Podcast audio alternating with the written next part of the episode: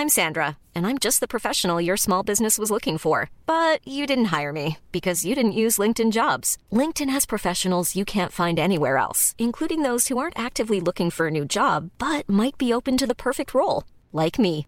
In a given month, over 70% of LinkedIn users don't visit other leading job sites. So if you're not looking on LinkedIn, you'll miss out on great candidates like Sandra. Start hiring professionals like a professional. Post your free job on linkedin.com/people today. Life is full of what ifs. Some awesome, like what if AI could fold your laundry? And some, well, less awesome, like what if you have unexpected medical costs? United Healthcare can help get you covered with Health Protector Guard fixed indemnity insurance plans. They supplement your primary plan to help you manage out of pocket costs. No deductibles, no enrollment periods, and especially no more what ifs. Visit uh1.com to find the Health Protector Guard plan for you.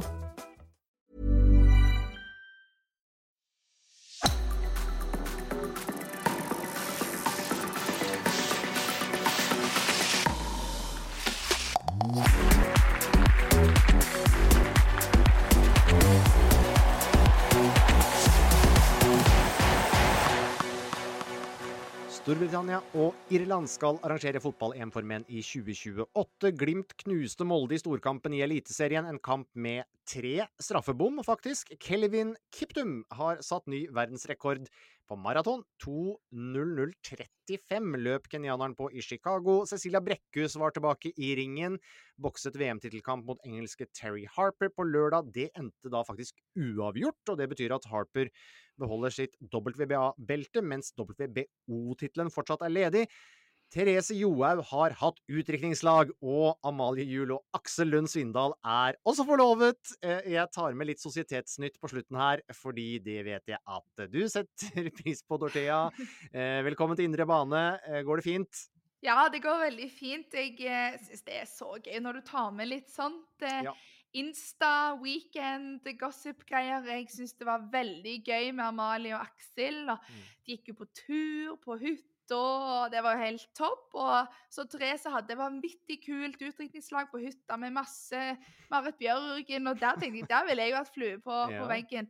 Så jeg har hørt rykter om at det blir et skikkelig vinterbryllup på Therese, Therese Johaug. Eh, så eh, Altså, dette høres jo litt creepy ut, men jeg har funnet Pinteresten hennes, der hun har masse inspirasjonsbilder til dette bryllupet sitt. Oh.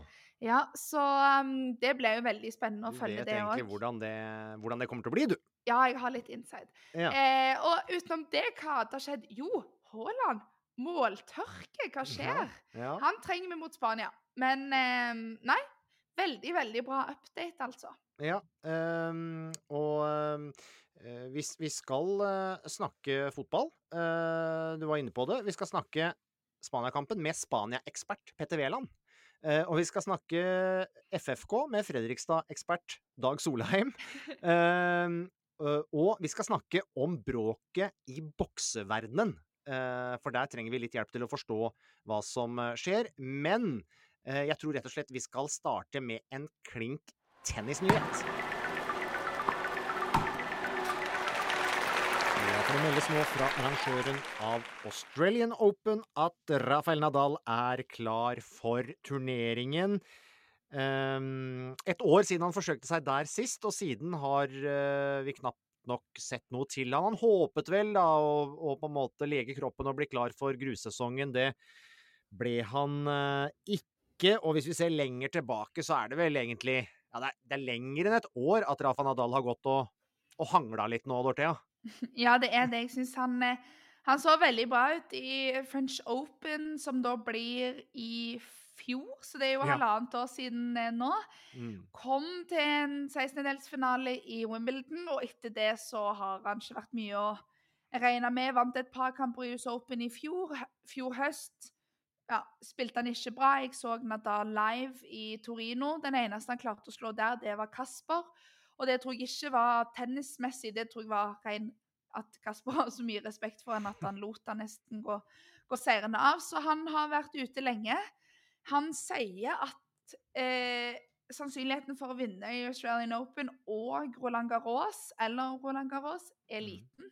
Han syns alle har blitt steingode siste året, eh, så veldig kult å ha han tilbake. Jeg er spent på hva form og hvilken Nadal det er som, som kommer tilbake, men dritkult å få han til Australia, både for fans og for spillere. Han, han har vel antyda også tidligere at 2024 sannsynligvis blir det siste året. Eh, det, er et, det er et OL da, på grus, i Paris. Eh, vi minner om eh, det. Han står på 22 Grand Slam-titler fra før. Har vel et håp om å kunne klokke inn 23 eller 24, som Djokovic har per nå, da, før han legger opp selv, eh, selv Nadal. Men selvfølgelig for tennissirkuset og for de kommende Grand Slammenes del, så, så, er det jo morsomt å ha med, ha med, Nadal, selvfølgelig. Ja, det er det. Og han var jo kanskje ikke 100% heller når han vant French Open nå sist. Eh, så det at han Jeg tror nok han håper på Altså, jeg har jo vært sånn Du har gjort så mye. Hvorfor tviholder du på dette? Folk trener og blir bedre og bedre, og han er ikke i toppform. Eh, men så ser du tilbake, så kan han jo vinne i Paris, selv om han ikke er 100% og det er nok det han håper på, og i hvert fall vil prøve på før han gir seg, spesielt pga. dette OL-et som skal gå på de samme banene der han har vunnet mest kamper av alle tennisspillere gjennom mm. tidene. Så jeg forstår godt at han tviholder, tviholder litt på det, men eh, det krever mye, da. Det er mye kamper og veldig fysisk. og de skadene han, han ble jo ikke yngre, for å si det sånn, men veldig kult. Og om han er sånn i form at han kan stille til et OL òg, så er jo det kjempegøy altså for OL og for mm. tennisen. Mm. Mm. Um, vår mann Kasper Ruud han røk i fjerde runde i Shanghai, da, uh, dessverre, mot ungarske Fabian Marosjan, som da uh, er ranket som nummer 91 i verden. Det der føltes som en gyllen mulighet uh, han ga slipp på, altså med tanke på kampen om å få nok poeng samla til å komme til ATP Finals. Andre spillere der som røyk ut, og veien lå litt åpen her nå for, eh, for Kasper til å sanke bra med poeng. Og så, så ble det en smell, rett og slett. Ja, det gjorde det, og jeg ble litt skuffa. Skikkelig morgenkvisten, egentlig alle kampene han hadde der. Men eh, så så bra ut mot eh, amerikanske Chris Eubanks i andre runde. Eh, bare ja, confident, slappet av, og jeg syns han liksom var sånn OK, men nå begynner du å ligne på noe. Eh, og så kom han da mot eh, Marosan, spiller et veldig jevnt første sett, taper det 7-6. Litt bedre i set, nei, andre sett, vinner 6-3. Og så, akkurat så tankene begynte å surre litt i hodet. Eurosport Norge har lagt ut en kul, eh, eller kul, trist, men underholdende video, da, eh, på um, der han viser hvor frustrert han var. Jeg syns han så litt prega ut av situasjonen. Sånn som du sa, de to som er over han på den rankingen, eh, som kjemper om å komme til Torino, de hadde tapt. Det var litt sånn motorvei videre for han. Det er en vanskelig spiller. Han har slått gode spillere før, eh, Marosan, men jeg syns han snubla litt mye. Eh, unødvendig der. Han eh, ja, virka litt prega, og det er ekstremt mye på spill. Og jeg mener at det er lenge siden kanskje Kasper har spilt for så mye som han kom til å gjøre disse turneringene her. I fjor var det litt mer plankekjøring. Vi visste etter US Open at ok, men han kommer til sluttspillet i Torino. Han blir topp åtte på verdensrankingen. Men nå vet han sjøl, og det er et stort mål. Det er en fantastisk turnering og veldig prestisje å, å være med på. Når vi var med på Laver Cup, og vi snakket om Ryder Cup og hvor gjevt dette var, men dette sluttspillet her, det er både pengepremier og prestisje, så er det veldig gjevt, og det har vært de store mål i år. Eh, så nå er han allerede dratt til Tokyo, trener nå denne uken, skal begynne turneringen. Trekningen har ikke kommet ut. Eh, begynner å spille i Tokyo neste uke. Så har han da tre muligheter. Tokyo, Basel og, og Paris. Eh, men han kan liksom ikke kollapse mot nummer 91 i verden i tredje sett. Da må han bruke den selvtilliten han har. og det er jo en statistikk som jeg egentlig ikke vil snakke om, Asbjørn. Nei, du, ja, at han Var, dette, var ikke dette ellevte tapet i år mot noen som er ranket dårligere enn nummer 50? Ja. Var vel statistikken. Ja, ja så det ellevte tapet ja, i år mot eh, gutter som er utenfor topp 50. Og det er jo bare tre stykk som har altså som en topp ti-spiller. Mm. Eh, så er det bare tre stykk eh, siden år 2000 som har gjort det. Og det er tre gutter som var innom i topp ti. Eh, det er få av de som holder seg i verdenstoppen lenge, som skal tape så mye mot de som er utenfor.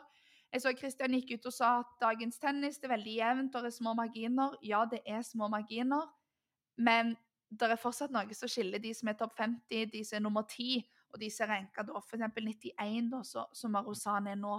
Eh, så Nei, jeg savner litt det å vinne på dårlige dager, jeg, altså.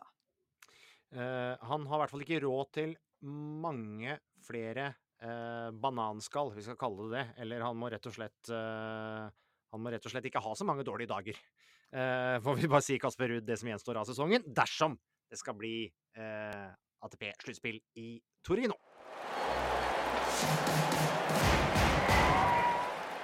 Ja, boksing er jo en av de olympiske idrettene med, med lengst historie. Eh, på programmet allerede i 1904 i St. Louis. Men eh, over flere år nå så har boksingens framtid som OL-gren vært eh, usikker pga. langvarig konflikt mellom Det internasjonale bokseforbundet og IOC, altså Internasjonale olympiske komiteen. Årsaken har vært at IOC eh, har pekt på kritikkverdige forhold innenfor økonomi og ledelse, åpenhet, dømming, etikk osv.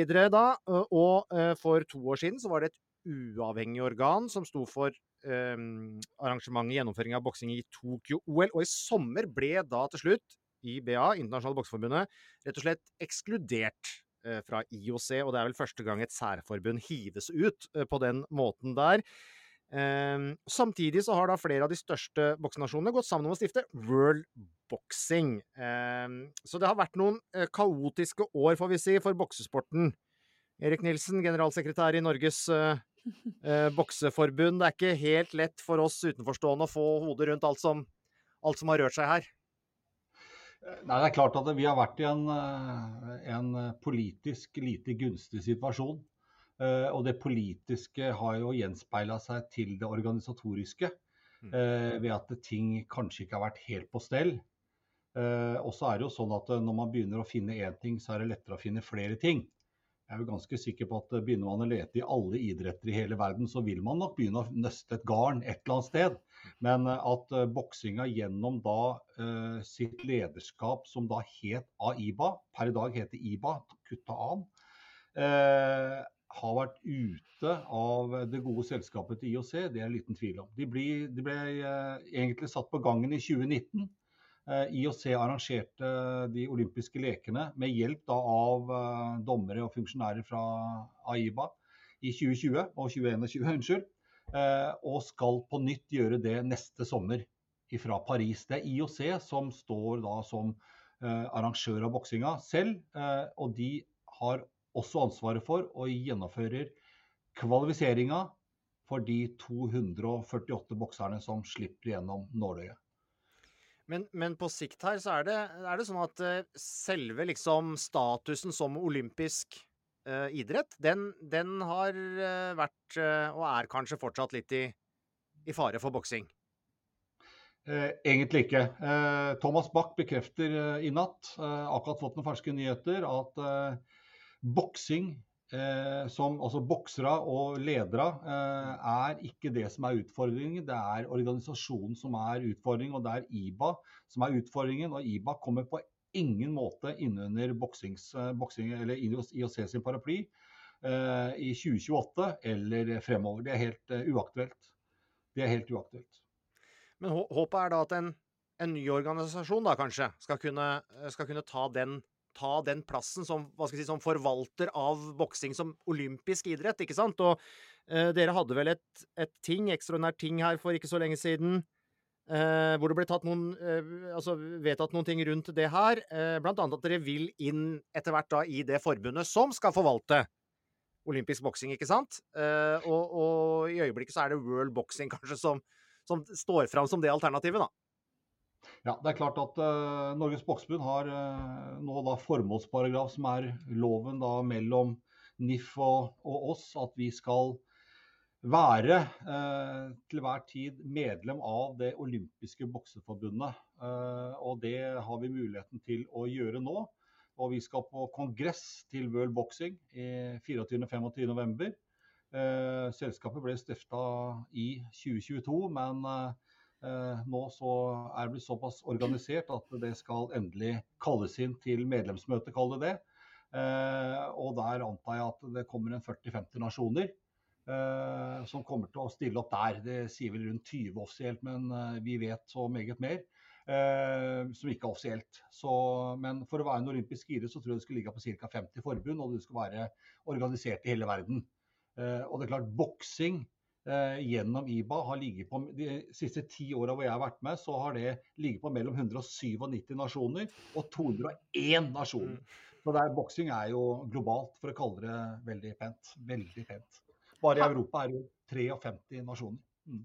Har du Har du sett dette komme, eh, eller er det litt sånn alle får litt sjokk og litt, eh, blir litt stressa, eller var det litt sånn dette var naturlig, det kom en dag for dette der det skulle komme fram, og at du hadde sett kanskje at fremtiden var et annet forbund da som World Boxing, eller eh, får du like sjokk som vi når vi leser i media? Eh, ikke noe sjokk. Eh, gjennom de kongressene man har vært de siste årene, så har man jo eh, forstått. Og så, så er det endog sånn at uh, i et demokrati så er det ikke alltid en enkelt stemme kan få meningen sin uh, godkjent.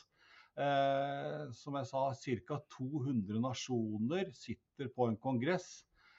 og da er det jo flertallet som til syvende og sist bestemmer. og vi har vært flere runder der vi hvor bl.a.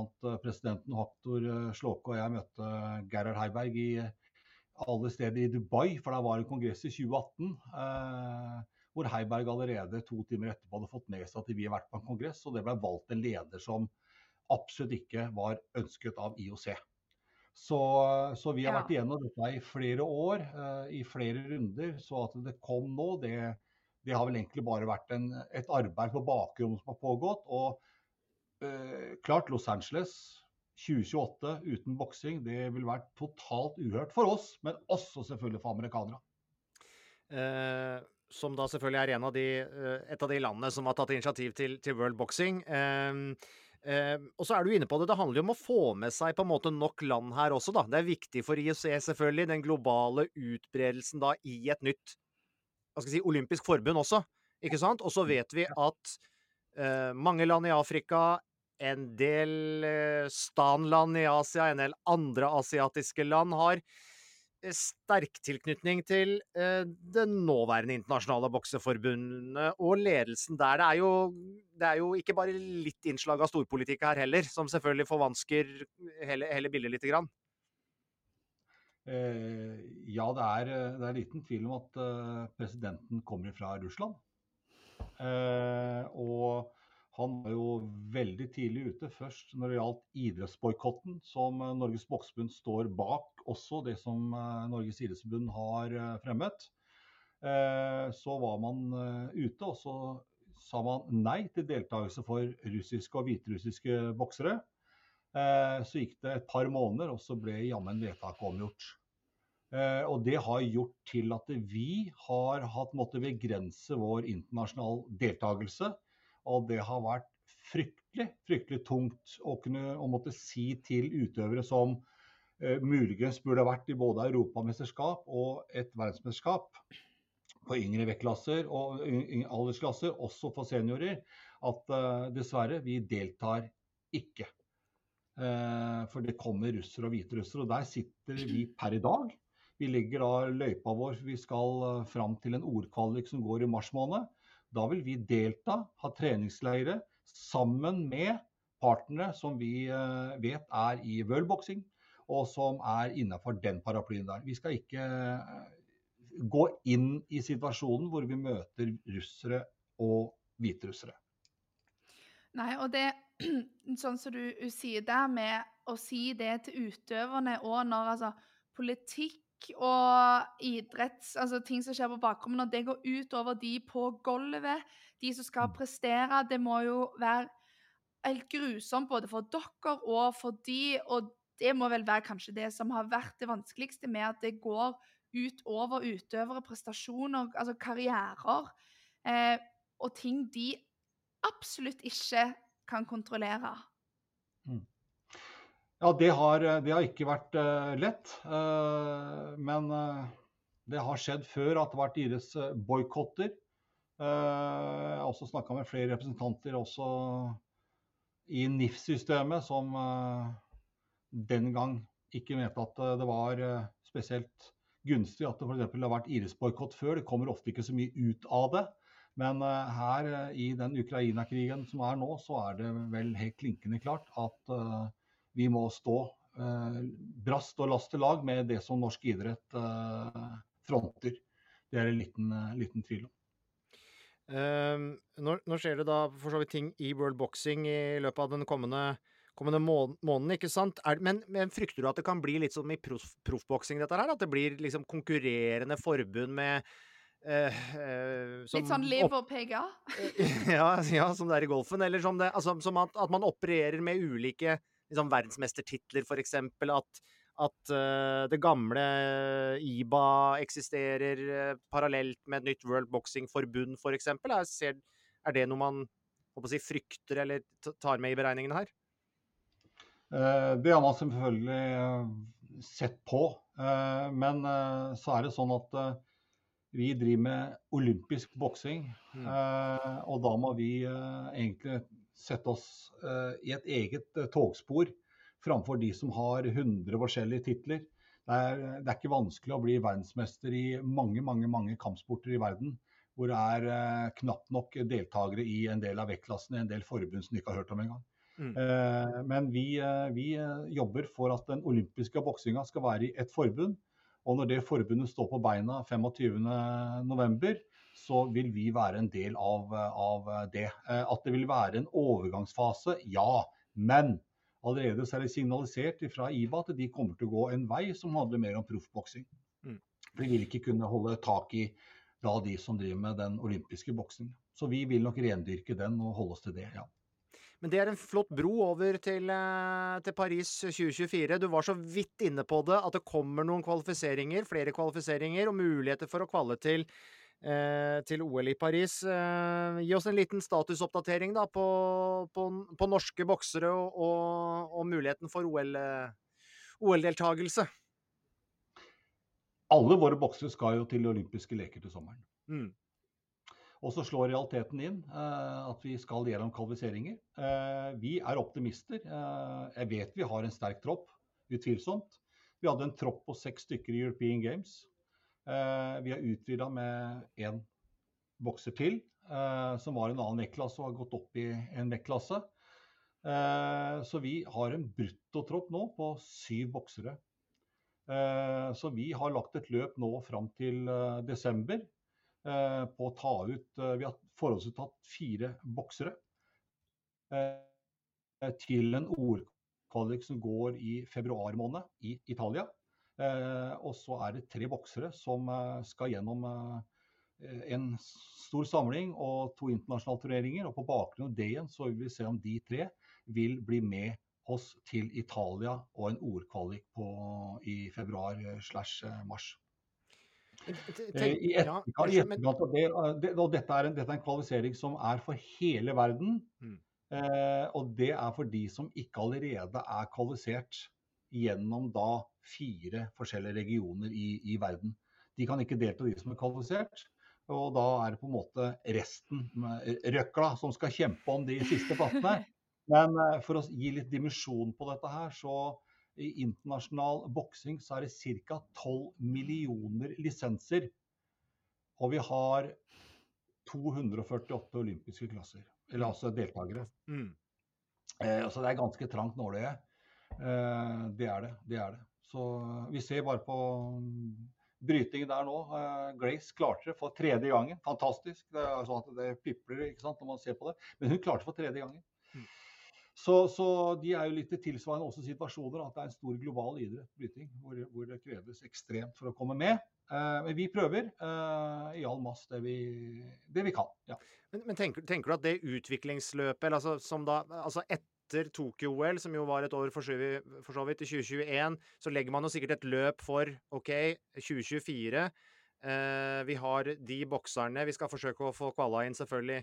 Eh, og, og, ta flest mulig plasser der. Eh, I hvilken grad har liksom det utviklingsløpet og det sportslige vært eh, hemma eller forstyrra av det her internasjonale, mer sånn politiske bråket? Eh, det har vært hemma, det. Det er det liten, liten tvil om. Eh, Bl.a. våre seniorer kunne ikke delta i et eh, verdensmesterskap som vi naturlig nok hadde vært med i. Mm. Og så gjelder det å delta ute i de store turneringene hvor vi vet at alle kommer, inkludert russere og hviterussere også, som er en del av familien. Men de er ikke en del av familien per nå. Mm. De har vi kjempa med før. Men, men så, så, det er klart at dette har hemma oss, hvor vi da også har steder hvor vi ikke kan delta. Eh, og så er det færre steder vi kan delta, rett og slett. Men, men til enhver tid så må vi snu oss og se muligheter der vi kan. Eh, fordelen for oss for å si det sånn, at vi er en liten nasjon. Ulempen er at vi må ut for å få kvalifisert ofte sparring og trening, sparringstrening og da kamper for våre beste. Eh, det er en utfordring selvfølgelig for oss, eh, men, men, vi har samtidig mulighet for å snu oss raskere rundt og reise dit hvor mulighetene åpner seg. Det, det, det er det. Men vi hadde en turnering sist i helga hvor vi reiste til Ungarn. og en eh, av to jenter, den ene ble rett og slett bom fordi det ikke var motstandere til henne likevel. Det var Sunniva Hofstad fra mm. Trondheim. Mens Ahadi fikk kjempeutfordringer der nede og vant to kamper. Så, så, men vi håper at det går seg til nå etter hvert. Bedre og bedre. Eh, det gjør vi så absolutt. Ehm, og vi håper jo selvfølgelig på å ha flest mulig norske boksere i aksjon der. Så skjønner vi at det blir noen spennende kvalifiseringer vinteren, til vinteren igjen. Erik Nilsen, vi, vi, skal nevne også at du jo mange kjenner deg også som boksekommentator, også for Discovery. Eh, så er, det, så er, det, også sagt. Nå generalsekretær i Norges uh, bokseforbund. Uh, jeg tror vi skal si at det var en, det var en nyttig, god uh, oppklaring rundt ganske kompliserte idrettspolitiske og stor, stor, storpolitiske forhold. Og så heier vi på de norske bokserne. Takk skal du ha for at du var med. Takk for det. Hiring for your small business? If you're not looking for professionals on LinkedIn, you're looking in the wrong place. That's like looking for your car keys in a fish tank. LinkedIn helps you hire professionals you can't find anywhere else, even those who aren't actively searching for a new job but might be open to the perfect role. In a given month, over 70% of LinkedIn users don't even visit other leading job sites. So start looking in the right place. With LinkedIn, you can hire professionals like a professional. Post your free job on linkedin.com slash people today. Cool fact, a crocodile can't stick out its tongue. Also, you can get health insurance for a month or just under a year in some states. United Healthcare short term insurance plans, underwritten by Golden Rule Insurance Company, offer flexible, budget friendly coverage for you. Learn more at uh1.com. When you're ready to pop the question, the last thing you want to do is second guess the ring. At Bluenile.com, you can design a one of a kind ring with the ease and convenience of shopping online. Choose your diamond and setting. When you find the one, you'll get it delivered right to your door. Go to Bluenile.com and use promo code LISTEN to get $50 off your purchase of $500 or more. That's code LISTEN at Bluenile.com for $50 off your purchase. Bluenile.com code LISTEN.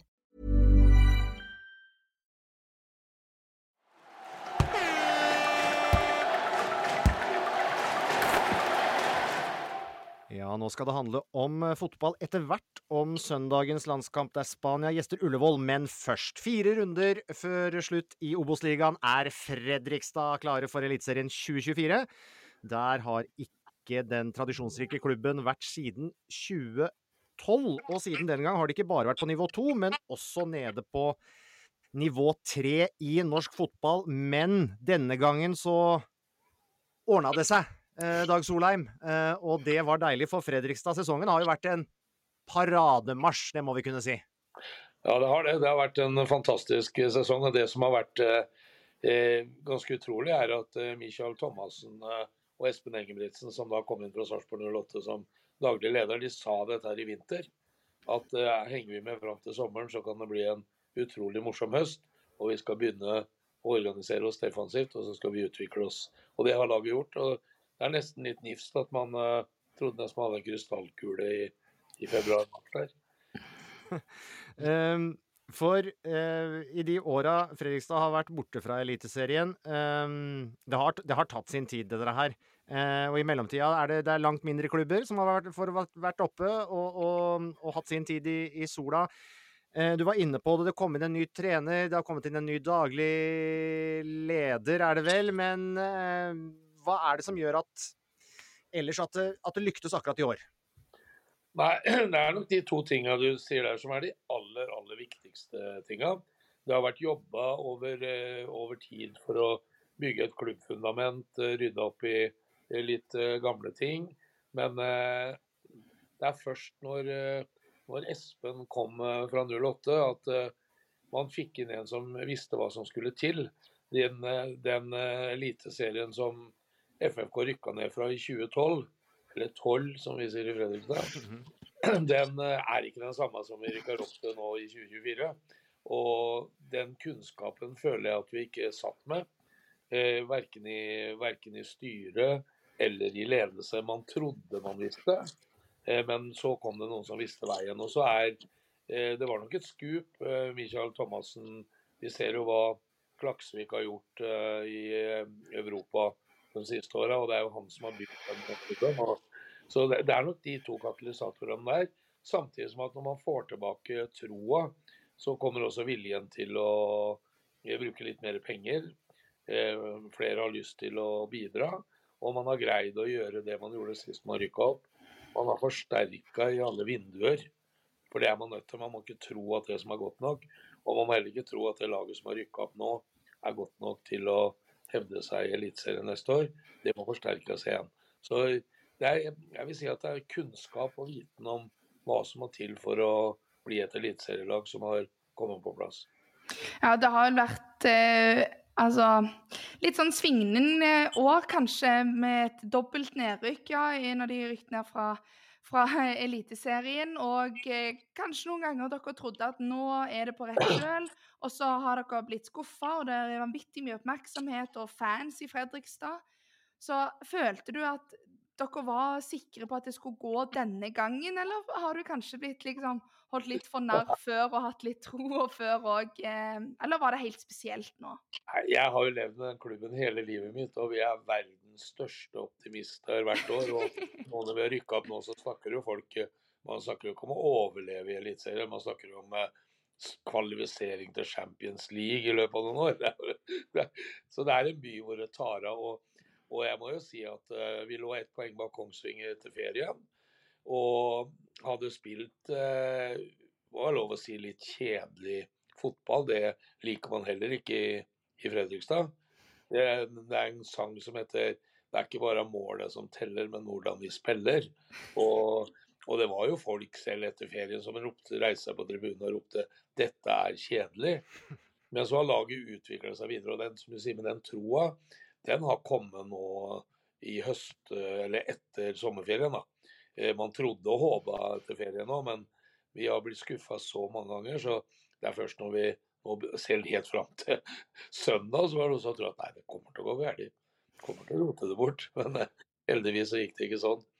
Eh, også, og, dere helgarderte jo med, en FFK-gudstjeneste her for en måneds tid siden, også. Men det har jo vært mye snakk om um, den derre historia om at ja, dagen etter siste serierunde i fjor, da var det fullt kjør på trening, og så fortsatte man å trene hardt, og Michael Thomassen kommet inn og satt noen standard og vært trent hardt og trent hardt. Alle sier jo alltid at de er Alle klubber sier jo alltid at de har aldri vært så bra trent som ja. de er nå. Eh, så så enkelt kan det vel heller ikke eh, bare være. Nei, det er jo ikke det. For det er jo som du sier, Asbjørn, det er jo sånn i fotballen at uh, når en trener overtar et lag, så overtar han et lag som er katastrofalt dårlig trent. Mm. Og så blir de jo utrolig godt trent i løpet av kort tid. Men det ble satt noen nye standarder. Det ble bestemt at spillerne skulle ha fulle arbeidsdager. De skulle være eh, på stadion til klokka fire hver dag.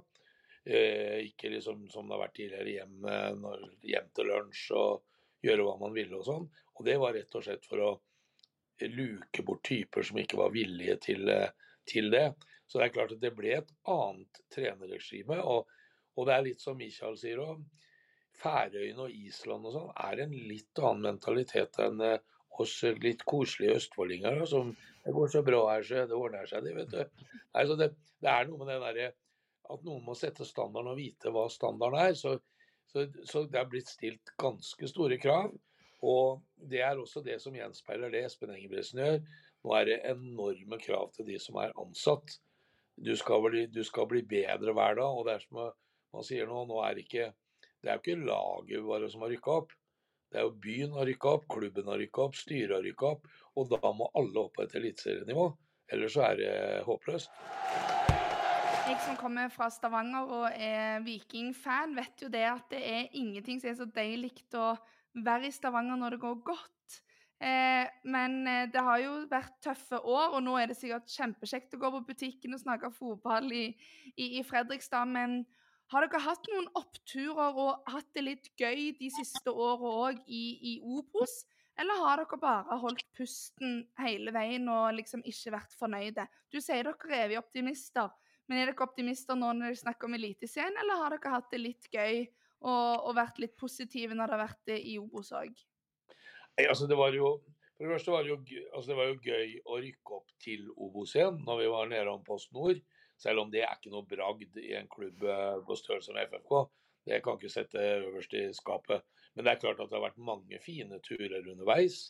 Eh, og ikke minst i, i fjor, hvor Brann var med og satte farge på Obos-ligaen. Og, og, og, i år har vi jo hatt Viking i cupen, og vi visste jo i den kampen at vi var fullt på høyde med, med Viking. Et straffespark her på slutten som, som sendte Viking videre. Så, så Obos jo en, er, jo en, er jo en morsom, uh, morsom, liga, selv om det er klart at du har jo mer lyst til å, å, spille mot uh, nevnte Viking, Bodø-Glimt, Molde, Vålerenga, Rosenborg enn, enn å spille mot Åsane og, og, en del av de lagene man møter, møter, i Obos. Men Obos er en artig, artig liga, det har vært mange, mange fine øyeblikk på, på Fredrikstad stadion. og også på borte, bortekamper i Obos. Det har det vært. Men eh, du var jo inne på det at eh, Espen Engebretsen har kommet inn med erfaring fra Sarpsborg 08. fordi det er jo en kjensgjerning at i den perioden Fredrikstad nå har vært borte fra Eliteserien, de åra har Sarpsborg 08 brukt på å etablere seg som et eliteserielag. Har det eh, forsterka smerten? Ja, det er ikke tvil om at det har gjort. Det, det, er noe som gjør vondt. Jeg er ikke av dem som ikke unner, unner Sarpsborg noe godt. Men eh, det er klart det er vondt å se på et Sarpsborg som reiser til Ullevål for å spille cupfinale, ta medalje i serien, er ute i Europa, spiller gruppespill i Europa. Det, det, skulle liksom ikke være mulig, som vi sier, med den husklynga oppe ved fossen. Men eh, de har vært veldig gode, og, og, da er det jo gledelig at man faktisk kan hente en av de som har vært hjernen bak det, til å til å være med å bygge noe nytt i, i Fredrikstad. Og Espen har jo lang fartstid her som uh, spiller, og selv om han er sarping. Men det smerter alltid når erkerivalen og Det er mange oppkonstruerte rivaliseringer i norsk idrett og i norsk fotball, men uh, rivaliseringa mellom de to byene som grenser til hverandre, den er ikke oppkonstruert. Konstruert, den, her. den er ekte. Og, og den merkes. Den merkes. Det, det gjør den. Så jeg har gjort litt bare å glede seg til de kampene neste år, eh, selvfølgelig, da. Uh, og så, uh, Dag, ikke sant, mange kjenner jo deg som kommentator og programleder, og så er du FFK-patriot og Fredrikstad-patriot. Uh, men mitt inntrykk er jo at ganske mange rundt om i Norge òg er litt patriotiske på Fredrikstads vegne nå, når FFK rykker opp. Ehm, hva, hva tror du det skyldes at det virker som mange rundt om, uansett hvem de holder med, syns det er ålreit å få FFK tilbake? Det er jo mange ting med det. Det, jo, det har jo noe med historie å gjøre. Altså, det finnes jo en generasjon som vokste opp med at eh, FFK var det første laget i Europacup. Eh, slo ut Ajax den første gang et norsk lag spilte en europacupkamp.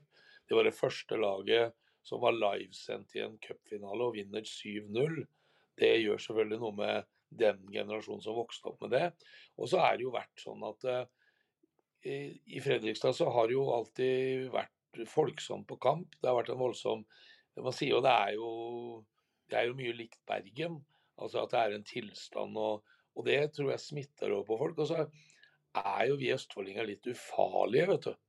Eh, vi kan godt bli, bli breiale, men det blir ikke breialt når du liksom Nei, jeg tror kanskje vi kommer til å vinne noe i år, jeg, altså. Det høres jo ikke farlig ut, det, liksom.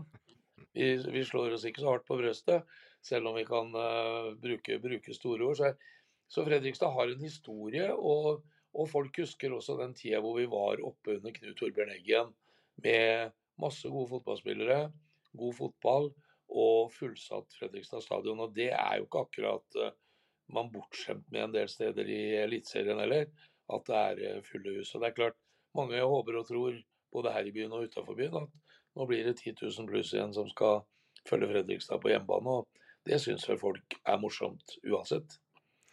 Um, sånn avslutningsvis, er, tror du, er fundamentet solid nok uh, nå? Uh, er det er det på en måte økonomiske på stell? Er det ro nok i styre og stell? Uh, Fredrikstad er en klubb hvor det ofte har vært mye lederskifter og, og bytter og, og endringer og, og, sånn bråk på bakrommet. Er liksom, har, har, du tro på det fundamentet som er kommet på plass nå? Ja, det har jeg. Eh, det sitter en styreleder nå, Jostein Lunde, som er den lengstsittende i klubbens historie. Bare det er en sensasjon i den eh, Det er kanskje litt med tiden å gjøre òg, men mm. med det man har vært, eh, vært igjennom. Eh, og nå har det vært bygd, eh, bygd i de forskjellige roller, både sportslig og administrativt. Og jeg tror, eh, i hvert fall som jeg vet, at økonomisk så har man kontroll, og man er klare for å, for å satse, satse, neste år. Så jeg tror fundamentet er nå mye, mye bedre enn om dette hadde skjedd på, si, på en, mer på en tilfeldighet for noen, for noen år siden. Så jeg tror vi er rusta for det, og jeg tror vi er rusta for å kunne etablere oss i Eliteserien. Og sånn som det er her nede, så er vi jo nødt til å nærme oss Sarpsborg så raskt som mulig. For man er ikke fornøyd med å være nummer to. Sånn, eh, sånn er det bare. Nå så jeg det var en leder i Sarpsborg Arbeiderblad om det var ikke tvil hvem som var storebror. Men eh, jeg husker sist vi rykka opp, fra nivå 3 til nivå 2, så sa den som var leder i Moss fotballklubb, som har spilt i Tippeligaen, det er et hav av forskjell Året etter var FFK i Tippeligaen, og Moss hadde rykka ned. Så Jeg sier ikke at Sarpsborg gjør det, men uh, i fotball snur det fort. Men vi er, har et godt fundament å stå på, og vi har noe å strekke oss etter. og I første omgang er det Sarpsborg 08, og da jobber vi hardt, skal jeg love deg, for å strekke oss dit. Så tar vi en gudstjeneste til, så går det bra. Eh, da er det egentlig bare å glede seg. Eh, det er noen kamper igjen av Obos-ligasesongen, men det er bare å glede seg allerede til, eh, til 2024 da, i, i, Fredrikstad. Ikke minst oppgjørene mellom Fredrikstad og, og Sarpsborg 08. Da kommer det til å ta, ta, av, ta bra. veldig hyggelig med en fotballprat som alltid, Dag. Takk skal du ha for at du var med. Bare hyggelig.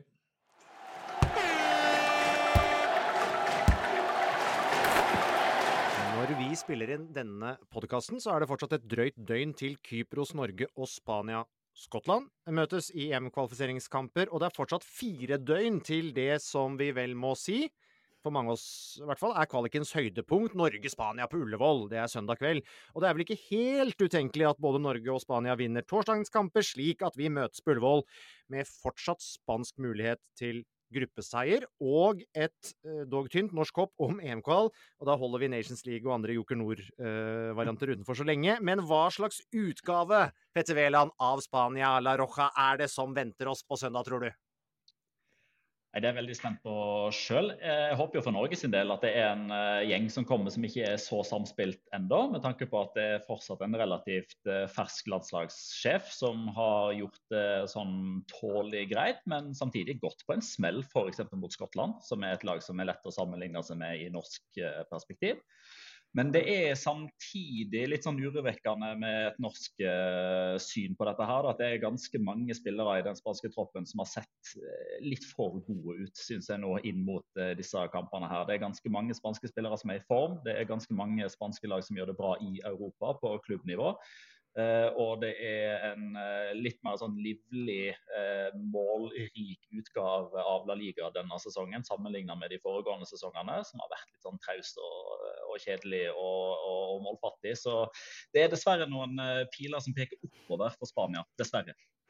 7-1 eh, mot Georgia og 6-0 mot Kypros sist for landslaget sin del. Altså det også vitner jo kanskje om en fryktinngytende offensiv. Selv om det er noen skader på noen kantspillere osv., så, videre, så er det, jo, det er jo litt å ta der. Men uh, ja. det løsna skikkelig offensivt, i hvert fall i den, i den forrige landslagsperioden.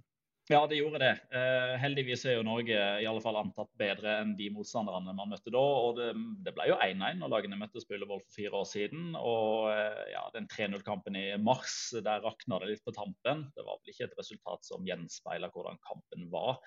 Eh, og så har jeg jo liksom eh, reflektert litt rundt hvordan disse troppene her ser ut, eh, og hvordan de passer til hverandre og mot hverandre. Og så er det jo ingen som helst tvil om at totalen, eh, der kommer Spania liksom sterkere ut. men nå har vi faktisk en kamp på søndag der de to beste spillerne er norske når de møter Spania.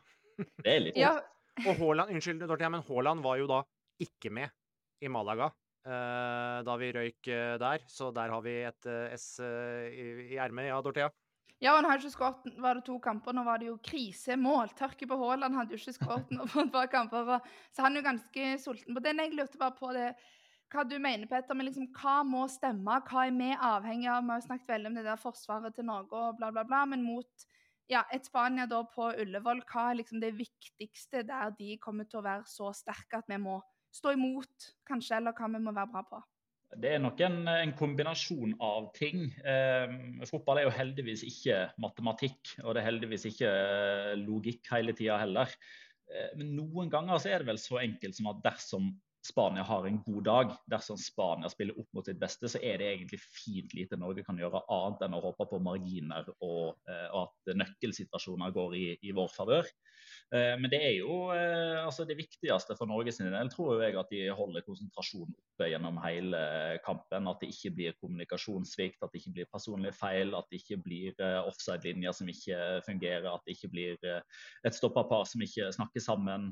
En god keeper, Ørjan Nyland, må ha en god dag. Og så må Ødegaard og Haaland òg være på sitt beste. Så det er, det er ganske mange ting som skal stemme, tror jeg, for at det skal bli norsk seier. Eh, norsk poeng hadde jeg ikke blitt sånn veldig overraska over, men dersom ting går som det skal og bør, så vinner Spania. Men det skjer heldigvis ikke alltid. Nei, og så er det jo sånn at Men ett poeng holder ikke altså Det er ikke så mye verdt for Norge heller, i den situasjonen vi er i, så vi må på en måte gå, gå for det også, da. Eh, Ja, og det er jo veldig interessant med tanke på matchinngang og hvordan Ståle Solbakken kommer til å eh, hva skal jeg si, orkestrere det fra sidelinja underveis. fordi som du påpeker, altså uavgjort i utgangspunktet mot Spania, selv om det er hjemme, det, det er et godt resultat. men i denne sammenhengen så er det ikke nok. Så da vil man jo da faktisk eh, muligens da få en situasjon der begge lag er veldig misfornøyd hvis det står 0-0 eller 1-1 og vi begynner å passere timen og kanskje begge lag gjør offensive bytter. Det kan bli en moro fotballkamp å se på. Hvordan, hvordan ser de på dette her i Spania? Eh, de forestående kampene nå, avslutningen på EU-kvalen. Det er klart, tapet for Skottland var en, eh, en smell, og så har de kommet på, tilbake på vinnersporet etter det. Men eh, hva tenker Ja. de om å reise opp og møte Haaland og Ødegaard? Eh, Det har de faktisk ikke begynt å tenke så veldig mye på. Eh, Jeg har jo lest det som er aviser og hører på radioprogrammer osv. Og, så videre, og det er egentlig én mann og ett lag de snakker om nå. Det er jo Scott McTominay, som var mannen som avgjorde for Ja. Skottland i det omvendte oppgjøret, og som nå skåra to mål sist for Manchester United. Så alle På altså, overtime. ja, ikke sant? Så, så han har liksom vært den som er i vinden. Så nå skal jo, eh, nå skal jo Spania, da, for å ta deres perspektiv, først, først må de stoppe Scott McTominay, og så Ja. kan de begynne å tenke på Erling Haaland etterpå.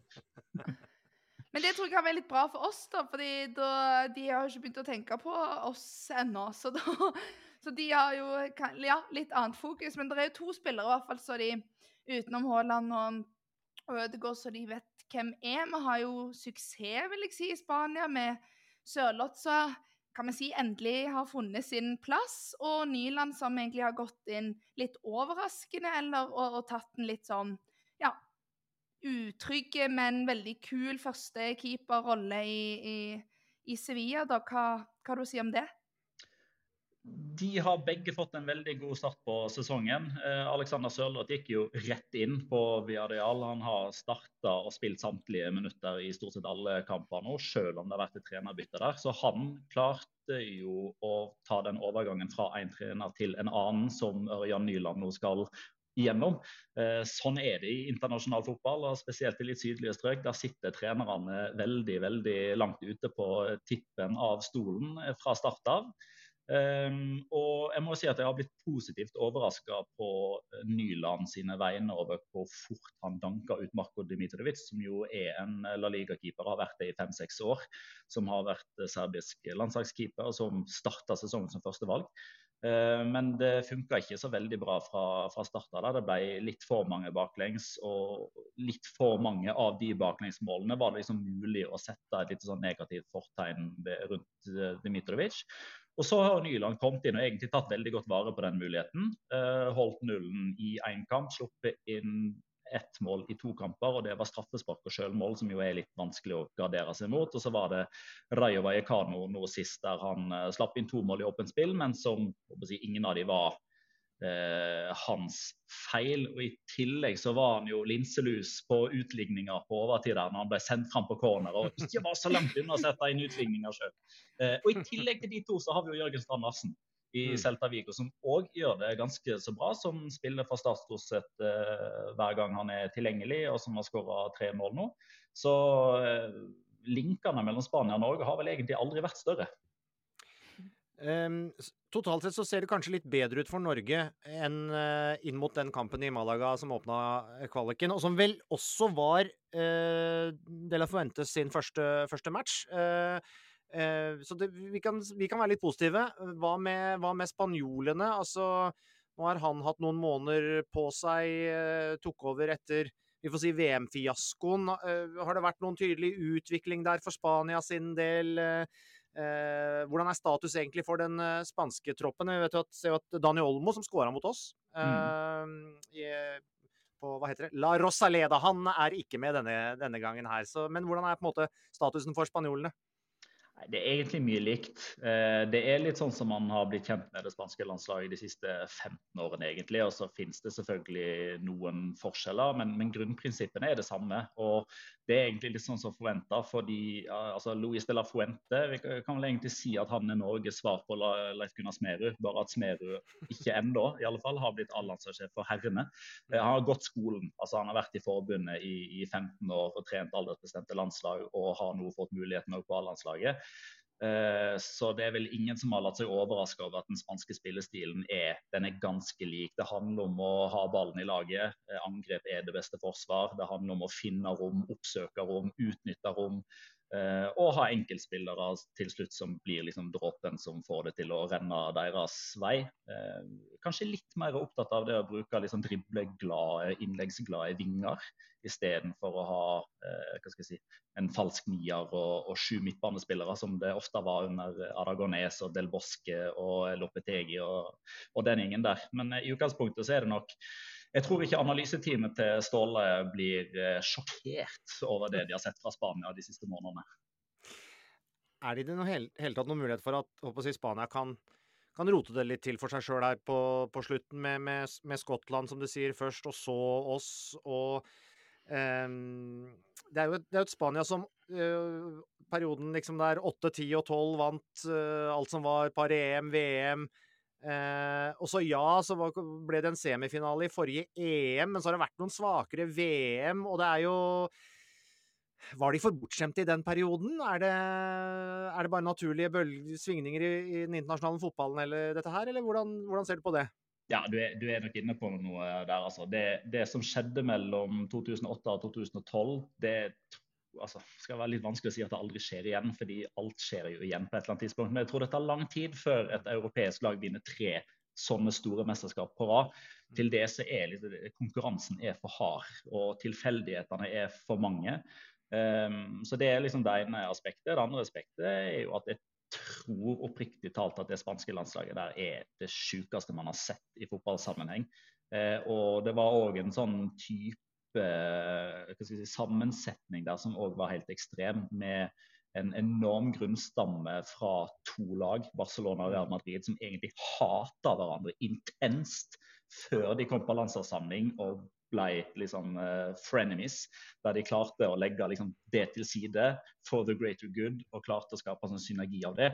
Og så ser man faktisk nesten nøyaktig det samme for kvinnelandslaget ti år etterpå. Mm. Der de krangler som busta fyker. Det er dårlig stemning, men allikevel så er de så teknisk og mentalt og taktisk mye bedre enn alle andre at Det har ikke noe å si. Når vi går ut på en bane, så er vi så mye bedre enn alle andre at vi, vi trenger ikke å se hverandre i øynene. Vi trenger ikke nynne landslagshymnen sammen. Vi trenger ikke gi hverandre en klem når vi skårer, for vi er så mye bedre enn alle andre. Uh, men det begynner å bli en stund siden. Nå er det langt mer ja, altså Det er et normalt godt landslag. Det er ingenting ved Spania som tilsier at de er en sånn kjempemesterskapsfavoritt, men det er det egentlig ingen lag som er. Eh, man blir selvfølgelig litt overraska over at Tyskland ryker ut tidlig, at Nederland ikke kvalifiserer seg, at Spania ryker mot Marokko. Men til slutt så er det et godt lag som vinner VM og EM uansett. Mm. Eh, men uh, Spania er nå blant en av nasjonene som anerkjenner Nations League, for det vant de jo nå ja. ganske nylig. ikke sant. Um, veldig bra. Uh, det, var, det, var, fint du tok det opp, for da kan vi også minne om at det er jo faktisk to andre spansk-norske dueller denne og neste uke. Det er jo Vålerenga og Real Madrid, kvalifisering til kvinnenes Champions League. Mm. Første kamp i kveld. Nå er det onsdag. Uh, ja, i kveld i Madrid. Også returoppgjør i Oslo. Uh, I neste uke er det vel. Så fikk vi nevnt det også. Veldig bra, eh, Petter. Vi håper jo først og fremst at Norge gjør jobben mot Kypros torsdag kveld. Sånn at dette EM-håpet lever inn mot det som uansett blir jo et høydepunkt sikkert for deg og for meg og mange andre i landslagskalenderen 2023.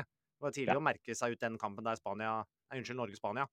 Ja, både med tanke på at det er den mest attraktive motstanderen i gruppa, og fordi det er, liksom, det, det er noe det drar seg til. Det er noe det skal, skal, avgjøres. Og så har vi dessverre ikke det beste utgangspunktet, men forhåpentligvis eh, så lever det når kampen starter på søndag. Vi satser på det. Eh, veldig bra med en eh, oppdatering og innsikt som alltid. Takk skal du ha, Petter, for at du var med. Bare hyggelig.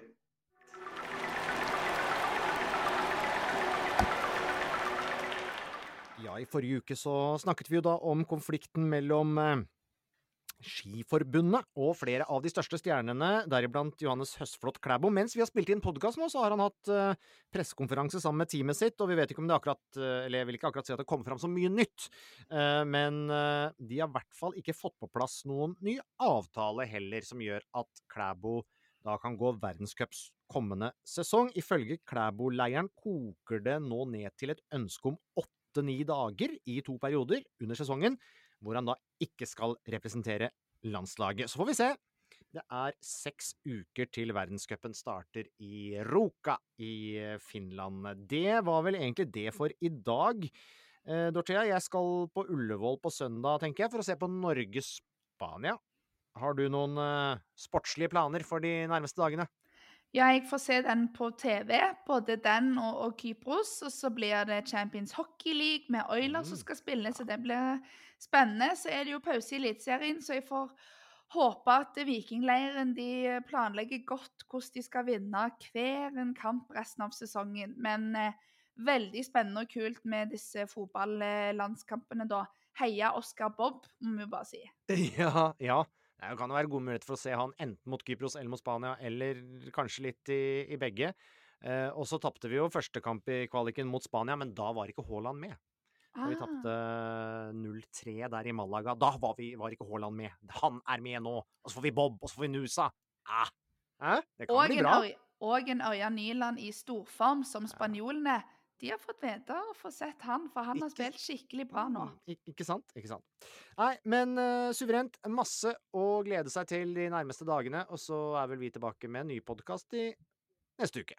Yes, vi snakkes. Snakkes.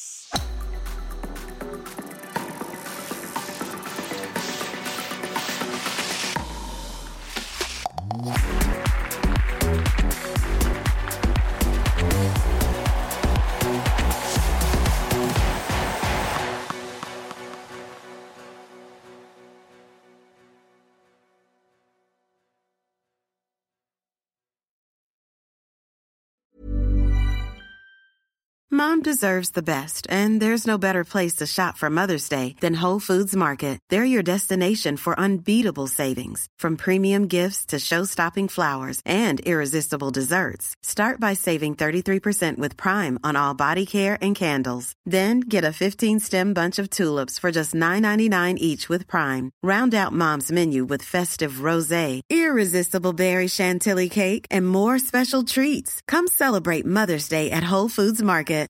When you make decisions for your company, you look for the no-brainers. And if you have a lot of mailing to do, stamps.com is the ultimate no-brainer. It streamlines your processes to make your business more efficient, which makes you less busy.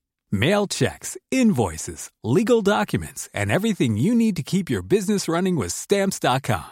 Seamlessly connect with every major marketplace and shopping cart. Schedule package pickups and see your cheapest and fastest shipping options from different carriers. With rates up to 89% off USPS and UPS rates. And with the Stamps.com mobile app, you can take care of mailing and shipping wherever you are. Make the same no-brainer decision as over 1 million other businesses with Stamps.com. Sign up with code PROGRAM for a four-week trial, plus free postage and a free digital scale. No long-term commitments or contracts. That's Stamps.com. Code PROGRAM.